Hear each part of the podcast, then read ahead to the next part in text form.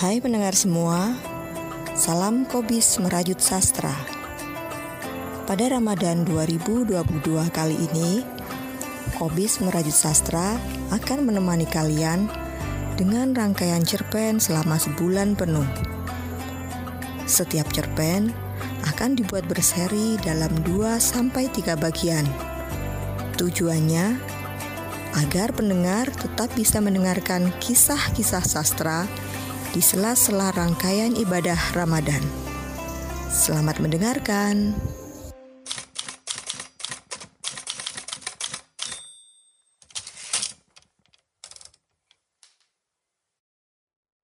Masih gelap Kar Karya Iman Suwongso Bagian pertama Pagi masih remang-remang ketika Kar selesai nginteri beras yang telah ditumbuknya di dalam lesung. Sedingin itu, ia sudah tidak berbaju, hanya memakai kutang dari kain belaco. Dan keringat halus membasahi tengkuknya. Ia tinggal menunggu nasinya akan matang tidak lama lagi. Kang Samijo, suaminya, masih melungker berselimut sarung.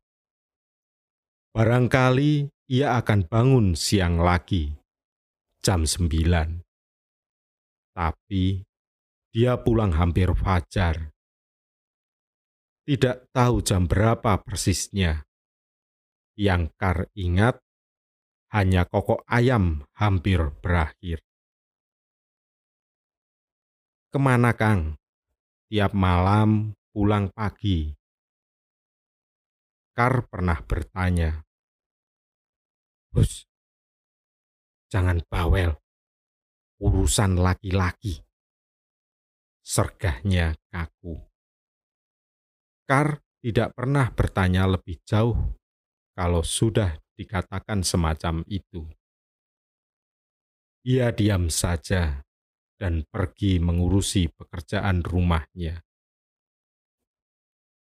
Kar, seperti perempuan di desa ini, adalah pekerja keras. Sehabis menyiapkan kebutuhan makan, ia pergi ke sawah bekerja sebagai buruh tani.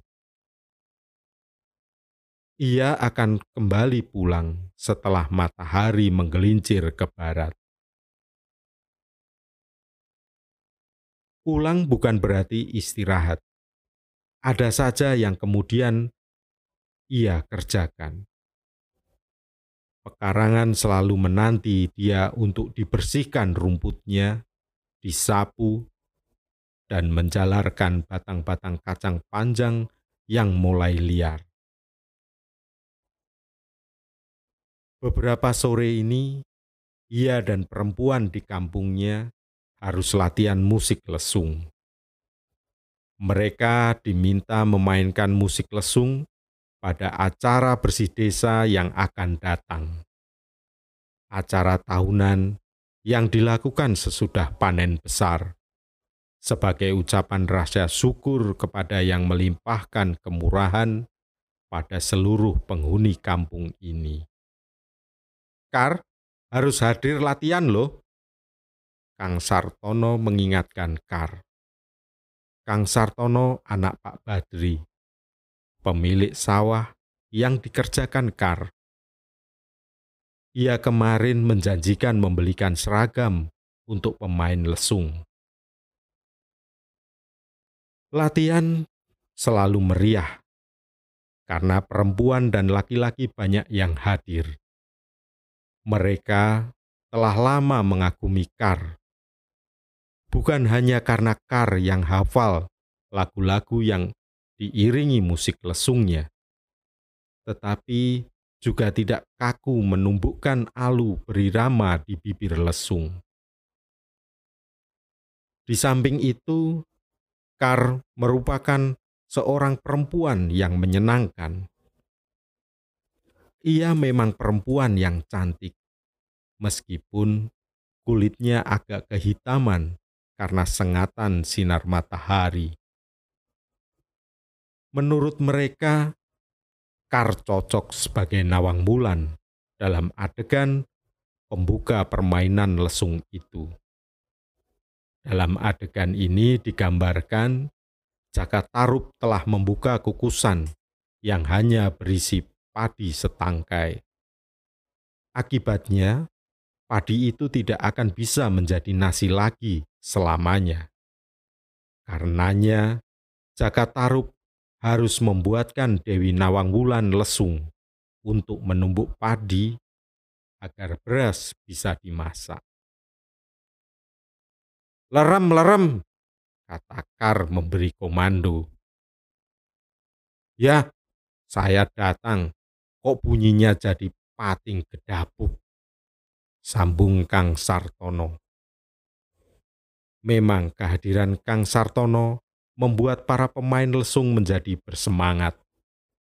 Tetapi karena terlalu bersemangat, mereka tidak mengontrol irama yang dimainkan. Jadinya, suara musik yang terdengar tidak selaras. Untung ya, Kar bisa menenangkan. Kalau tidak, bisa-bisa tidak jadi punya kebayak baru, kata Yudarmi.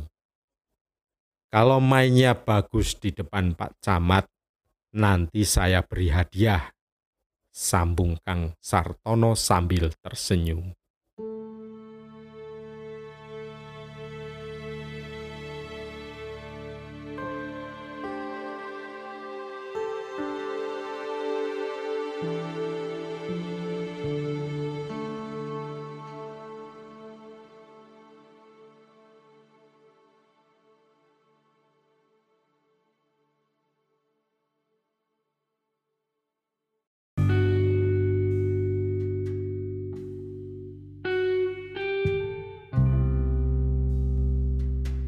Hai kawan-kawan, era digital telah berkembang pesat, mengisi seluruh sudut kehidupan kita. Podcast menjadi salah satu produk digital yang kini terus berkembang. Tak sekedar menjadi ruang dokumentasi, tetapi juga menjadi ruang interaksi publik. Bagi kawan-kawan yang ingin mempublikasikan karya podcastnya, Anchor pilihannya.